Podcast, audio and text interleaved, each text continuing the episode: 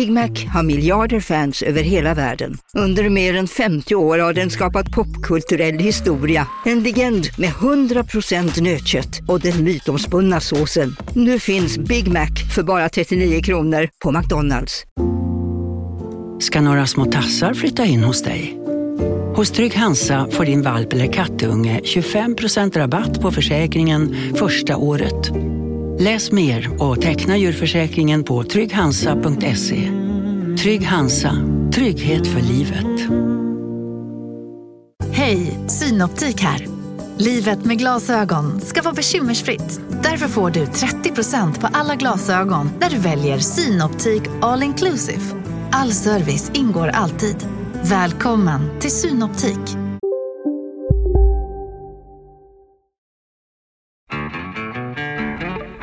Lördagsgodis med Elving och Ringart.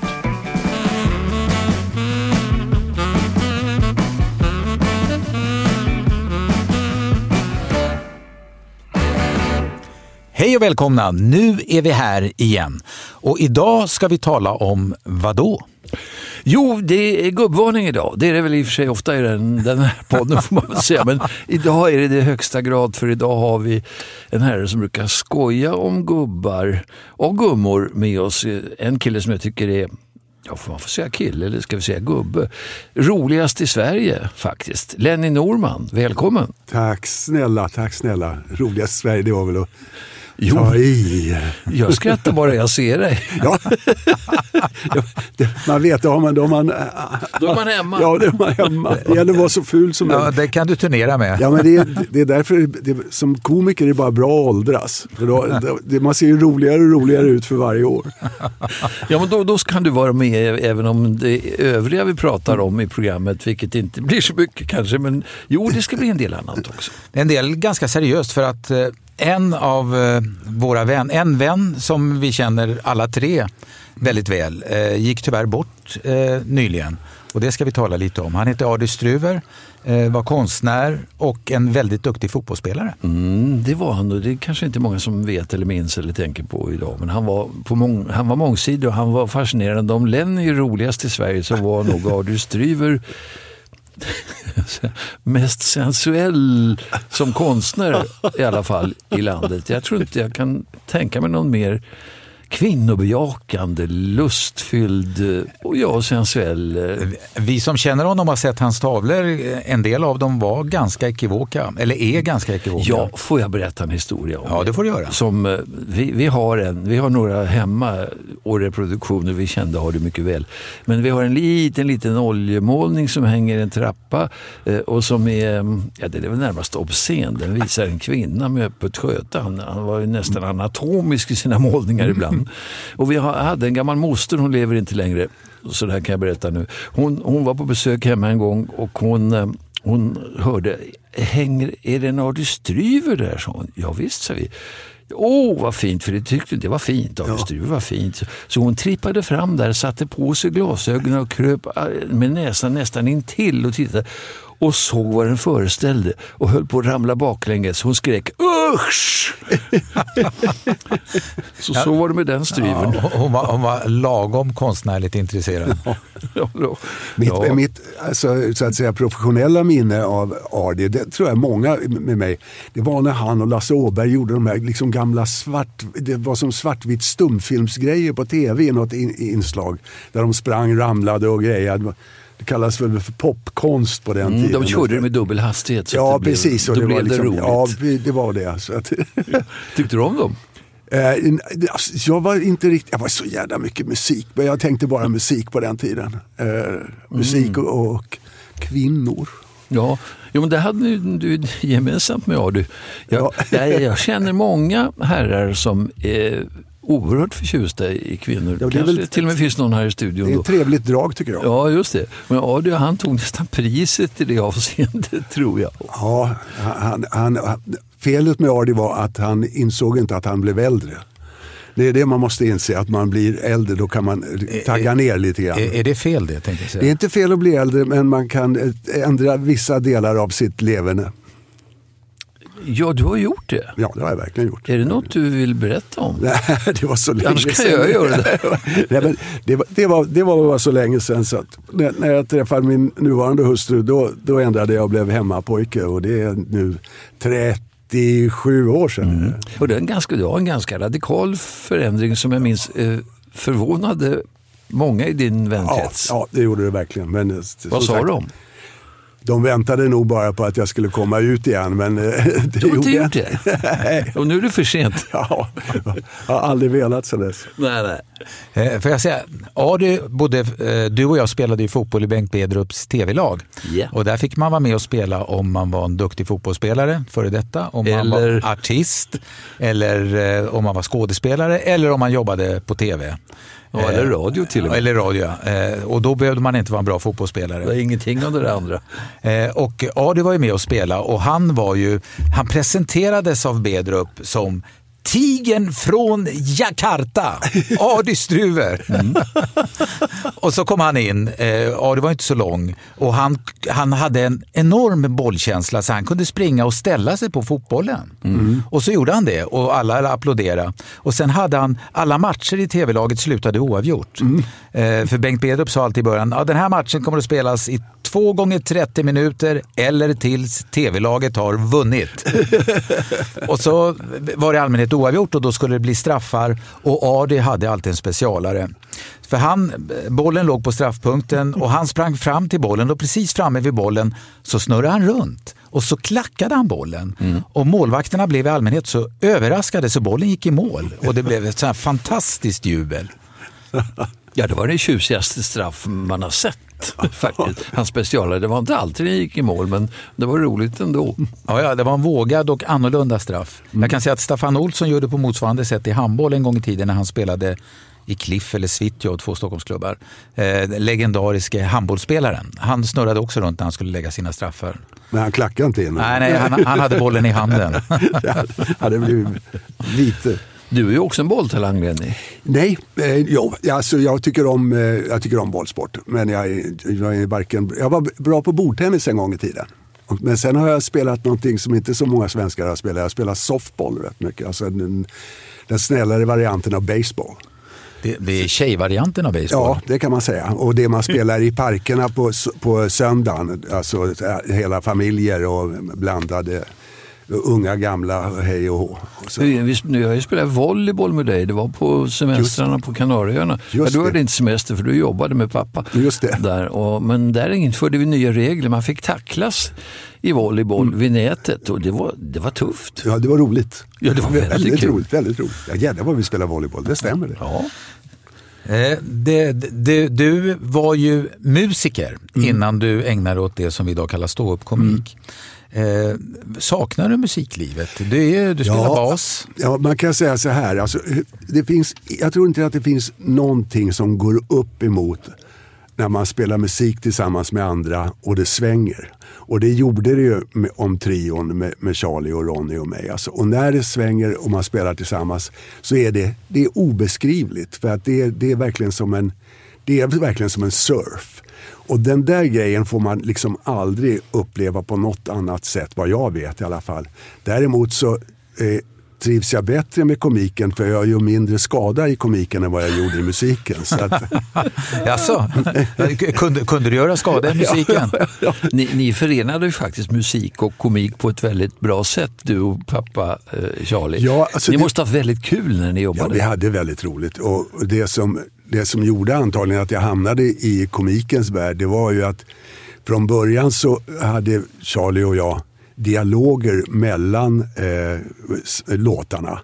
Sen fick jag prata själv för att han behövde vila. Och ju äldre han blev, desto mer fick jag prata mellan låtarna. Så till slut så pratade jag ju nästan mer än vad jag spelade. Så att då var det lika bra att bara fortsätta det, med var, att det prata. var så stå, din ståupp föddes då, Det fast det, du ja, satt det var ner det. kanske? Ja, nej, jag stod dessutom. Stod- ja, till och med det? Ja, det, var bara, det var Charlie och Ronny som satt. Ja. Men Du säger Charlie, du säger inte pappa. Nej, det gör jag inte. Varför inte? Ja, det får du väl prata med någon psykolog om antagligen. Men jag, jag, tror def, jag tror definitivt att det beror på att är man på turné och, och eh, får höra pappa hela tiden, eh, alltså, då, då, då finns inte den här alltså bandkänslan. Eh, Om en i bandet säger pappa och alla andra säger namnen. va. Det, det, jag, tror att, jag tror att det ligger där i så att säga. Där har man sin roll alltså. Ja, definitivt. Va? Och, och eh, som sagt var, det, vi var ju inte far och son när vi var ute och lirade. Vi var ju två bandpolare helt enkelt. Eh, bandhundar. Ja.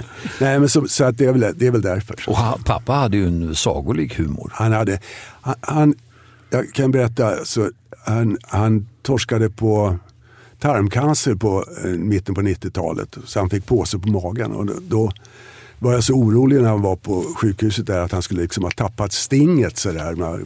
Men jag behövde liksom inte oroa mig. Han hann inte mer än hem från sjukhuset så skrev han ihop en liten vers som han faxade över till mig. Det är så bra när det är äldre lyssnare som vet vad en fax är. Eh, och, och så ut ur min fax kom eh, följande lilla poem. Jag har väl alltid varit något av en sökare och ofta helt nära näcken. Men nu har jag lagt min sista rökare för nu har de sytt igen häcken. och då visste, jag, då visste jag att det var fart på gubben. Ja, men det, finns ju, det finns ju uppenbarligen en poetisk talang. Har du ägnat dig åt det också då? eller? Nej, poesi har jag låtit- låtit bli. Men det är väl härligt när ens pappa eller, eller för den delen mamma eller en anhörig eller vem som helst kan nalkas ålderdom och sjukdom och slutet med, med, med det humöret. Ja, med humor absolut. Alltså, det tycker jag. Svart humor in i döden. Finns absolut. ett exempel till på det. Lars-Gunnar Björklund som alla känner till. Han var ju förutom gudabenådad kommentator i radio och tv också då lottogeneral på slutet av sin karriär. Och han ringde upp vinnare och berättade att de hade vunnit någon miljon på Lotto och så vidare. Han, han sa när han hade några dagar kvar det visste man väl då. Så kom doktorn in till honom, han var på ett hem då, och frågade han Doktorn, sa han, är det någon idé att man köper en femveckors lotto? det var det inte. Ja, nej, jag, jag, jag, Hur bär man sig åt för att hålla den... sk- Skulle du kunna vara så Nej, här? nej, jag är rädd för att jag inte klarar det. Jag, jag tycker att det, det fordras en viss inre mental styrka för att kunna vara på det sättet, tror jag. Hur, hur ser du på att åldras Lenny? För det, det Ja, gör jag, jag- till och med du. Ja, nej, jag, jag lever efter devisen att det är härligare att glädjas över att man får leva, har fått leva länge än att gräma sig över att man har blivit gammal. Så, och jag har, alltså, rent ut sagt, eh, jag har redan haft så jädra underbart liv. Så att eh, jag är inte det minsta rädd för döden. Eh, däremot så självklart tråkigt att skiljas i så fall från alla eh, vänner och bekanta. Och familj självklart. Men jag har ingen som helst skräck där vid lag. Jag, jag är så jävla nöjd med livet. Det är underbart att ha kommit fram till den insikten Ja. ju. Ja. Måste det vara. Eh, Du har ju nu då, då också lyckats slå mynt jag säga, av din syn på ålderdomen och av, av att kunna skoja om det här. Ja. För det måste man ju. I form av just gubbvarning som vi var inne på i början. Så gubbvarning, både två böcker Ja. och en show. Ja, och en show till nu. Och en show till. Så- Som, eh, liksom, den nya kom förra året och gjorde hösten och gjorde Mm. våren och ska ut i höst igen. Men vad nyfiken jag blir, för jag måste säga att jag, jag tror aldrig, sällan jag har skrattat så mycket på äldre dagar som just åt den här driften med Eller vad, är det? Det är ingen Ja, det drift med att bli gammal med gamla, ja, men tvärtom för, snarare. Förra föreställningen var väl lite grann att man ska sk- skratta åt alla de här eh, åkommorna och allt som man får, alltså förändringarna med kropp och allting och, och sådär. Den, nya föreställningen det är mera så att jag reagerar på, det tror jag många gör, alltså, och min publik är ju äldre så att jag kan prata med min publik. För jag vet att alla där ute, de har varit med innan mobiltelefonen kom. För det verkar vara den nya tidräkningen att före och efter mobiltelefonen. Och dagens människor verkar så historielösa. Så det, de hänvisar till före mobiltelefonen som att det var en enhet. Det vill säga innan det börjar hända något. Så, när mobilte- så deras tidräkning börjar när mobiltelefonen Ja, kom? det känns så faktiskt. Och det här var ju, du kommer att höra om du lyssnar så här, säg på det. Och det här var ju innan sociala medier. Och det här var ju innan mobiltelefonen. Det här var det. Det är ingen som säger det här var på 90-talet då vi hade det och det och det. När, alltså, det hade Kuwaitkrisen och allt sånt där. Nej, det, det finns inte. Innan. Kan, kan, du ge exempel på skillnaden mellan gamla och nya showen och hur, humorn, hur din humor ja, visar vi äldre då såg ut ja, då och nu? Ja, men det är också som så att den nya föreställningen är mycket mer personlig. Den är mycket mer oh. personlig. Och, men sen som sagt var så Ja, ja, det, är, nä, det, är, nästan som ett väckelsemöte. Det, det är som ett väckelsemöte. Det, det, är en, det är åderbråckets revolution som sker där ute. Leverfläckarna står som spön i backen. Det är yeah! Kan jag få några exempel på... Nej. jag, tänkte, jag tänkte att andra än jag skulle få skratta, för jag skrattar bara jag tänker på det där. Att du kanske har sett det mesta, en del av det också. Nej, men, alltså, ta, ta bara en sån sak som... Vi kan ta när det gäller mat. Va? Alltså, mat när, när vi växte upp, alla tre, när maten kom på bordet då fanns det två alternativ. Det var ät eller svält. Det var inte liksom, jag tycker inte om det där. Utan man, antingen åt man eller så åt man inte. Och åt man inte upp, vad hände då? Då kom maten tillbaks nästa dag. Man tänkte, vad fasen är det frågan om?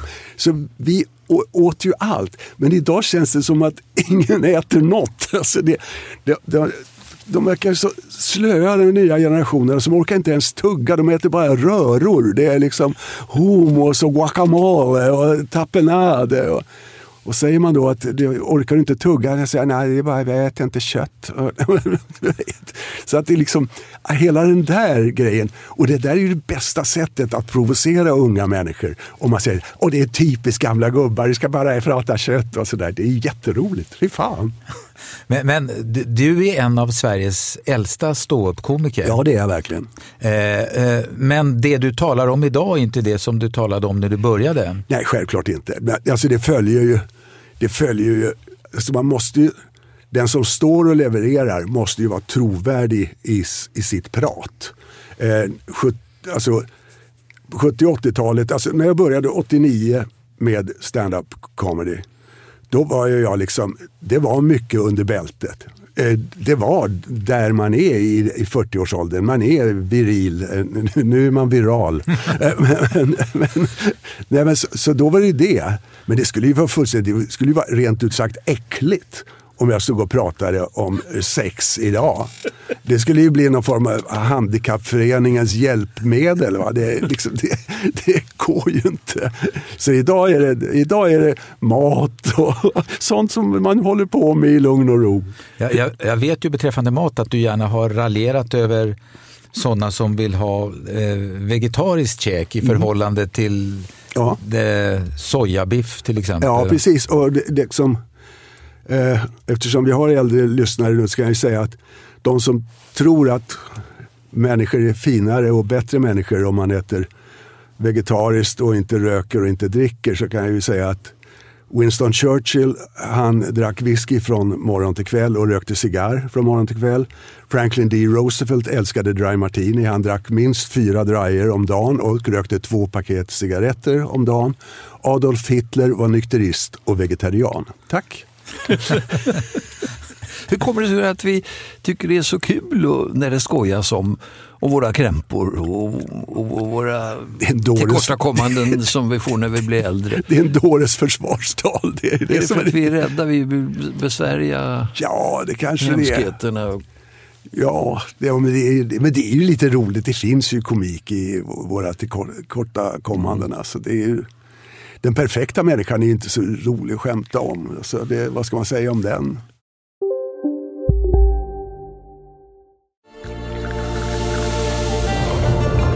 Välkommen till Maccafé på utvalda McDonalds restauranger med Baristakaffe till rimligt pris. Vad sägs om en latte eller cappuccino för bara 35 kronor? Alltid gjorda av våra utbildade baristor. Hej Sverige! Apoteket finns här för dig och alla du tycker om. Nu hittar du extra bra pris på massor av produkter hos oss. Allt för att du ska må bra. Välkommen till oss på Apoteket. Hej, Susanne Axel här. När du gör som jag och listar dig på en av Krys vårdcentraler får du en fast läkarkontakt som kan din sjukdomshistoria.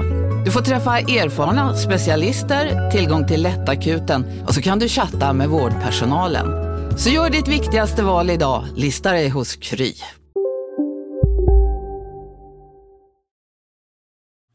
Men, men, men när, när vi då på äldre dagar eh, har synpunkter på de som är yngre än vad vi är och deras eh, brist på kunskap eller deras syn på hur världen ser ut idag. Är, är vi då gnälliga gamla gubbar eller tanter? Det är det där som är, det, det tycker jag är ett sånt tråkigt dilemma. För att eh, Eh, alla älskar en arg ung man. För det liksom utstrålar både kraft och yes. Men någonstans finns det en brytpunkt när den där arga unge mannen har blivit så gammal så han blir en grinig gammal gubbe. Va? Eh, och den där, det där brottades jag med vid 55, 60, 65 års åldern. Det vill säga fram till för tio år sedan. Men nu skiter jag i det rakt av. Nu får jag väl vara en gammal grinig gubbe, det struntar jag i. Det var ju stor succé för tidigare showen. När får vi se den nya? Ja, jag, i mitten på oktober åker jag ut och är ute till mitten på november. Jag är lite kors och tvärs. Eh, Jag är i Stockholm den 5 Nej, det är, jag vet inte när jag är i Stockholm. jag kommer inte ihåg. Gubbe. ja, jag, jag vet att... eh, Du ska prata om den på Ja, en uh, Finlandsbåt nära dig, Ja. nära oss också så Ja. småningom. Men det en En, en, fråga. en annan fråga. Kan man skoja om allt? Finns det någonting man inte kan skoja om? Finns det någon Ja. li, linje? Nej, jag tycker alltså man kan skoja om allt, men alla kan inte skoja om allt. Eh, jag, jag, det finns vissa ämnen som jag självklart inte kan skoja om för att jag, jag tycker att de är för jobbiga eller vad som helst. Va? Men sen tycker jag att ju svårare ett ämne är, ju svårare ämnet är att skoja om, desto bättre måste skämtet vara. För att det går inte liksom med ett svårt ämne att köra något hafsigt komisk grej. Utan då, då får det vara väldigt jädra bra alltså. Och sen finns det ju tidsaspekten också. Jag, jag, eh, jag vet när Estonia förliste så ringde Ulla Skog mig då den, när vi hade vaknat upp till den här nyheten på dagen så, och så frågade om jag skulle jobba på kvällen. Då skulle jag göra på Norra Brunn. Hon skulle också jobba. Och då sa hon, hur, hur gör man eh, i det här läget? Och då, då gick jag upp, i mitt fall gick jag upp innan föreställningen och sa att ni som har kommit har ju kommit för att skämta. Eller alltså lyssna på skämt och ha kul. Och mitt yrke är ju att vara det. Men då sa jag liksom, och ni, kan vara helt lugna, det kommer inte komma en rad. För annars sitter folk och är nervösa och tänker, kommer han försöka sig på något jädra klumpigt skämt om det här? Men då får man liksom lugna och så är det borta. Och precis som med Palmemordet, det tar x antal år innan folk kan börja skämta om det så att säga. Men det, det, ju svårare katastrof desto längre tid. En, eh, en mindre katastrof så kan det gå lite fortare. Nu tänker både Artur och jag på en kollega, eh, en, en bekant ska vi säga, som var imitatör på hobbybasis verkligen och som dagen efter Palmemordet klev upp och gjorde en imitation av Palme inför någon eh, inte särskilt hänfull publik Nej. kan man väl säga. Uh, jag behöver inte nämna några namn där, men har, har du trampat i klaver på det sättet? Har det gått snett för dig någon gång?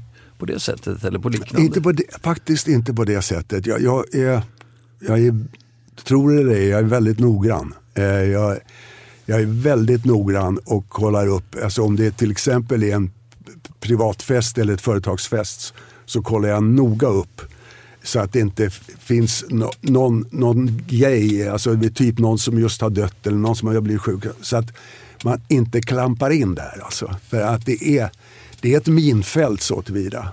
Ska du dra Artur den där eh, gången som Bengt Bedrup faktiskt råkade ut för det här när, när han, eh, du kanske inte kommer ihåg den, Nej, I nej. en tv-lagsmatch. Jag ser ut som ett frågetecken nu. Ja. Alltså, han hade ett stående skämt som sa att, om, han sa om motståndarens bästa spelare, brukar han säga, ehm, Kalle Karlsson då, där i motståndarlaget, han hade telefon. Och ibland gick de på det. Och sprang, det var inte alls telefon. Och sa Bengt, det är din fru som ringer. Och så visade det sig att när han körde med det en gång, då hade frun just avlidit. Ja, och det visste alla utom Bedrup. Ja, ja. Måste ju ha känt fasansfullt. Det, är- det är liksom, jag, jag vet, eh, Torbjörn Jonsson, om ni kommer ihåg honom, han som var med i Småstad, Småstad, polisen i Småstad. Och eh, när, då var, det var innan jag var med Charlie, då, då hade var de, för de gjorde turnéer för olika jävla grejer, kaffesorter och allt vad det var. Och då hade han en sån där, kom upp här på scen, kom upp här på scen. Och är, är liksom, ser inte att den här människan sitter i rullstol och fortsätter liksom och de andra märker men snälla för guds skull. Och han, Kom upp där, men sitt inte kvar där. Och, han, åh! Och jag menar, att det, alltså, det, det där, man måste vara noggrann. Man måste Mm. vara noggrann. Alltså. Men, men har det hänt, du, du har ju då genomtänkta skämt eh, och, du, och då förväntar du dig att när du har dragit det här då, då ska folk skratta. Men har det hänt att du har dragit ditt skämt och det har varit tyst? Ja, alltså det är det konstiga med den där jävla komiken. Jag vet till exempel att eh, när vi höll på att spela in Släng dig i brunnen, då hade precis den där Dahmer, ni vet han massmördaren i USA, så där de hittade likdelar i hans kyl och frys och sådär.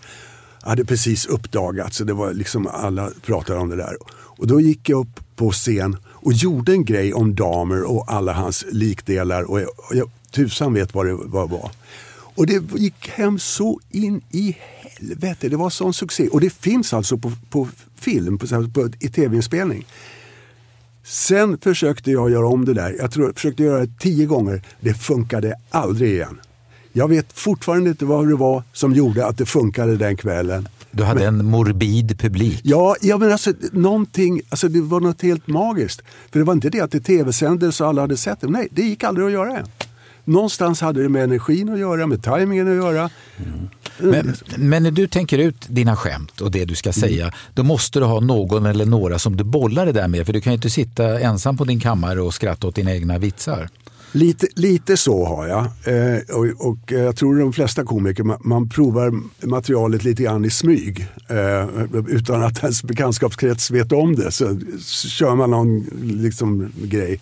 Men framförallt är det min underbara hustru som får ta emot mycket. Och när hon säger det där kan du inte berätta på en scen, då vet jag att det här är bra. det är så det fungerar. Ja. Jag har haft en grej nu som handlar om min, min gamla mor och den, den sa, nej men snälla du kan inte, du kan inte göra så alltså. Och det har ju varit så roligt så det går inte att beskriva. Jag ska inte avslöja det. Det får ni se, ni som kommer att Det kommer den nya showen. Ja, det kommer, den är med i föreställningen. Åh, nu blir jag nyfiken. Men, men du säger också att du är så här, jag är inte rädd för döden. Nej. Eh, Men jag tror att någonstans människor vill ju leva så länge som Ja, möjligt. det Vill, vill- du, vill du inte det? Jo, det vill man ju. Självklart. Det är, inget, det är ingenting jag går och, och längtar efter. Det gör jag inte. Men eh, jag är nämligen, jag älskar att sova. Och jag tillhör inte de som tror på någon reinkarnation eller något liv efter detta eller en himmel eller helvete. Utan jag tror bara att man går ner, det blir svart. Snacka om sömn. Fattar ni? Inte vakna av någonting. Behöver du gå upp och pinka? Nej. har, har det blivit ljust ute? skiter jag i. Har det blivit kallt i rummet? Ja, kallt är det. Men Den var bra, den var trösterik. Eh, Jag vill ha, återknyta till att få något exempel på, på, på den här gubbhumorn. När är man gubbe? Ja, jag brukar ju säga att gubbe är, är ju inte någonting som egentligen har med ålder att göra. Eh, Mick Jagger fyller 80 i sommar. Han är jävlar mig ingen gubbe. Gustaf Fridolin, eh, han har nog varit gubbe sedan han föddes tror jag. Alltså, så att det, det är liksom hur olika människor är. Det är inget i agerandet som gör att man... Självklart är det det. Men man, när man, min, min dotter som är en underbar omtänksam människa och hon ser mig ju lite sällan eftersom hon bor utomlands. Men jag märker ju att hon liksom håller koll och, hur mår pappa? Han är ju trots allt ska fylla 75. Och hon kan ju liksom reagera när man har setat på en middag i en och en halv, två timmar så reser man på sig och det är lite stelt. Va? Det, det, det Om man ens så. kommer upp. Ja, precis. Det blir ju lite grann så. Men, men har du samma känsla som jag att mentalt så blir man inte speciellt mycket äldre än 25-30 utan sen är det kroppen som seglar iväg? Ja, visst är det så. Jag Visst brukar det säga så? att mentalt är man ju 12. Ja. Nej, men mentalt är man ju alltså någonstans mellan, jag brukar säga man är mellan 30 och 40 bast, någonstans där är jag. För evigt. Ja, det är ju så. Det är, Ja. bara, det är bara förpackningen som raserar totalt. Alltså. Ja, det kan man Det säga. är yttre är totalt. Det är inte 30-40 längre.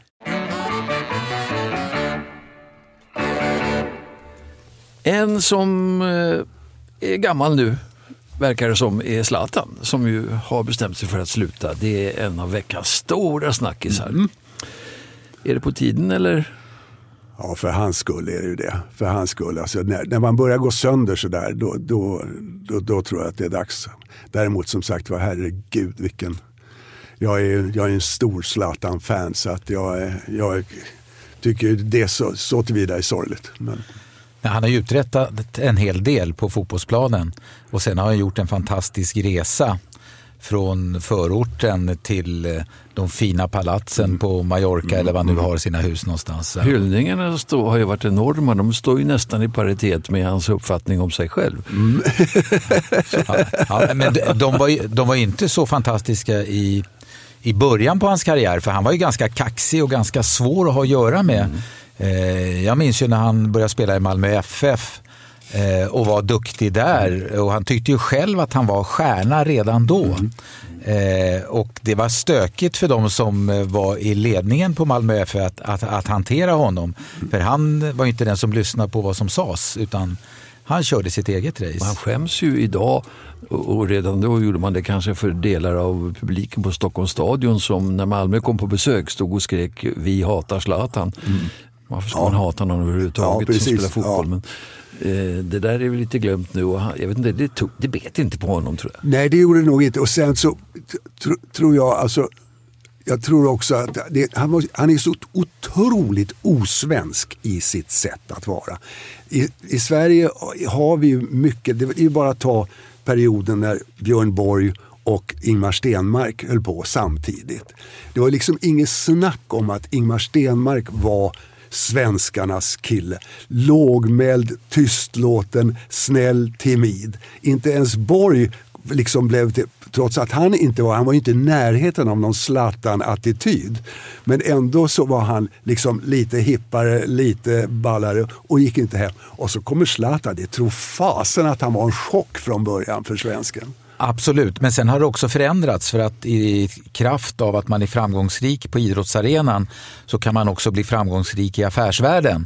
Och då omges de här eh, framgångsrika idrottsmännen av människor som kan det här med ekonomi och business. Så Zlatan idag är ju ett mångmiljonföretag om inte miljardföretag. Ja. Eh, där han eh, ger ut böcker och kläder och jag vet inte allt de håller på med och äger fastigheter till höger och vänster.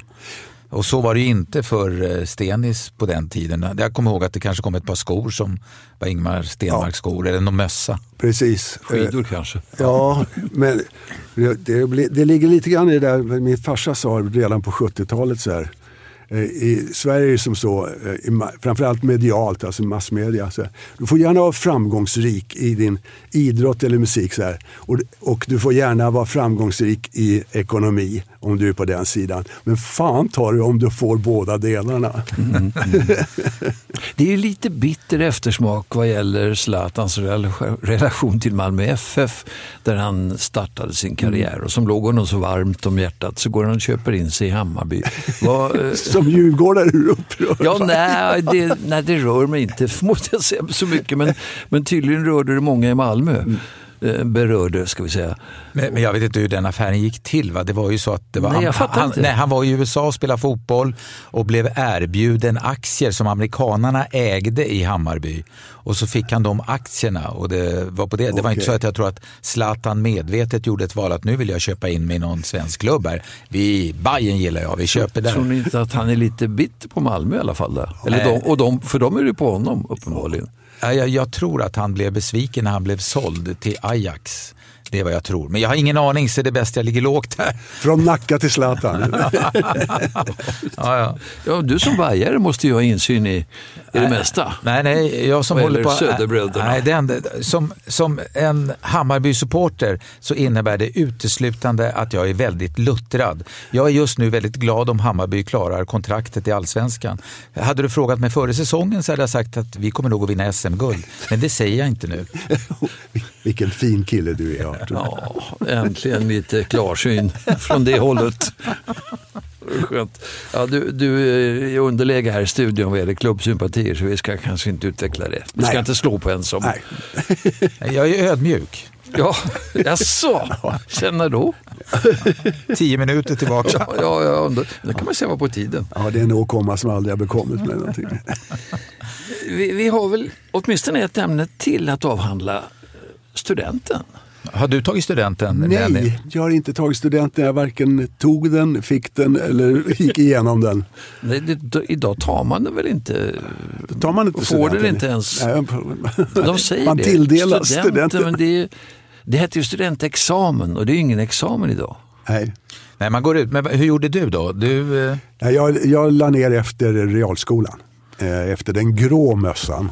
Eh, Som det var på den tiden. Realen, ja, det var väl fint också? Ja, oh ja, oh ja, oh ja. Du, du började ju spela istället. Ja, det gjorde jag. Jag hade börjat redan innan. Jag hade Mm. de sista två åren på realskolan så spelade jag. Var det det som var det musiken som gjorde att du inte ville plugga vidare?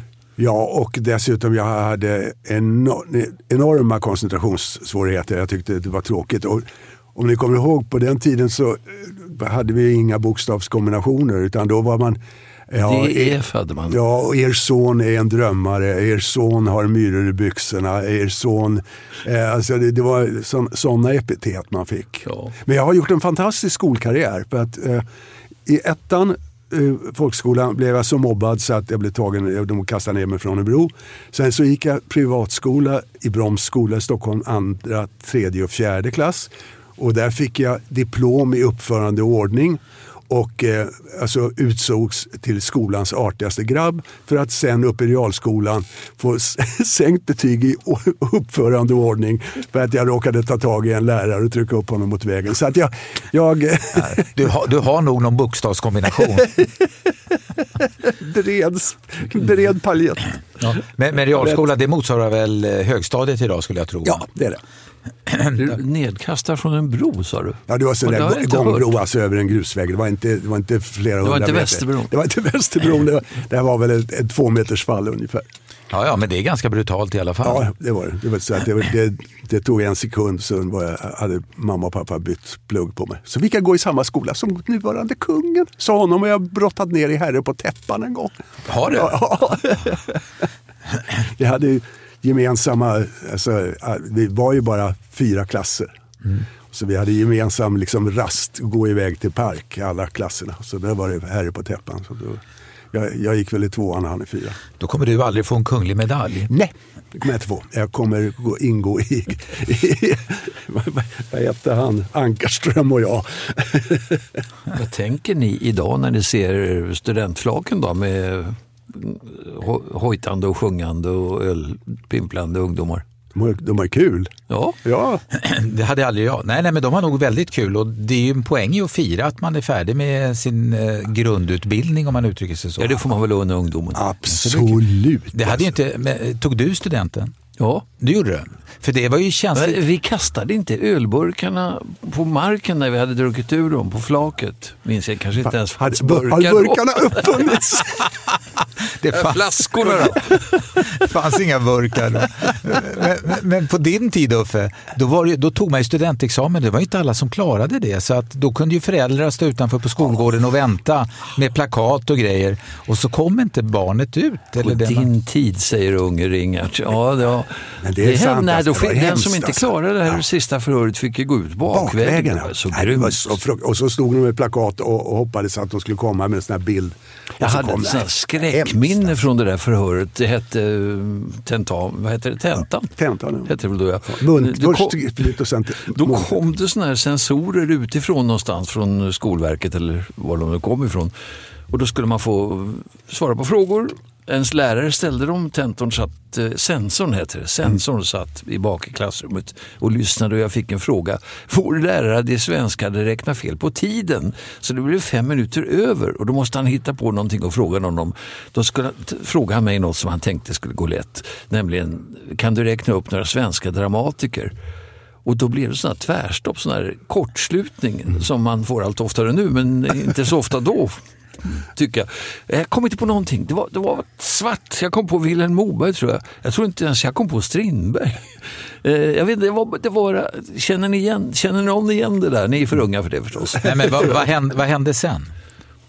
Jag fick faktiskt inte det högsta betyg som jag skulle ha fått utan jag fick det näst högsta istället. Och jag tror det berodde väl på den där blackouten då. Svenska jag kom inte på någonting. Nej, men det, är, det var hemskt känsla. Blackout är ju vidrigt. Alltså. Har det aldrig hänt dig på scenen?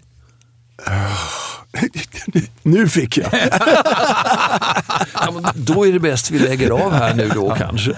Eller? Jag kan bara berätta, när jag tog studenten eller när jag slutade skolan, då, var, då fick ju alla, alla som gick ut gymnasiet och hade ju klarat sig. Mm. Men, men, då var det känsligt med mössor. Det här var ju 70, början på 70-talet. Då, då, då fick man ju ha en vit mössa som man köpte på NK eller var man nu köpte den. Men, men alla ville inte ha vita mössor utan det var eh, någonstans de vänstervindar som blåste ja. då. Så alla, vissa skulle inte ha mössa. Ja, det var ju lite snobbigt. Att ha mössa? Ja, ja, i vissas ögon. Ja, det var, framförallt var det väl det att det var liksom en gam, gammal, eh, en gammal tradition. Och för, det var ju lite brytningstid. Innan var det liksom överklassen som studerade så länge. Arbetarklassen gick ju iväg, som jag efter realskolan max. Va? Eh, det hade väl lite med det att göra efter kårhusoperationen. Operationen. Nej, du vet jag har haft en kårhusoperation. Jag är så jävla ont i sidan. Nej, men på den tiden så då, då, då var det en del som, men vi hade ju studentfester och vi hade gubbskivor och vi firade i alla fall.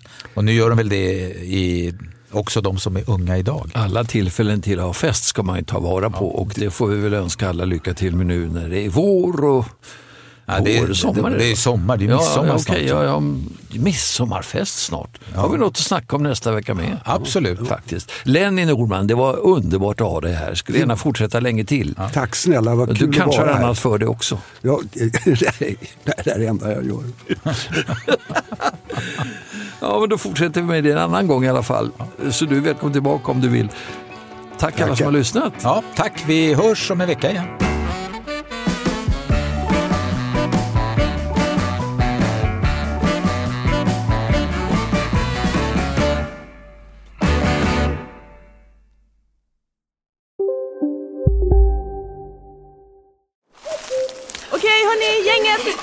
Vad är vårt motto?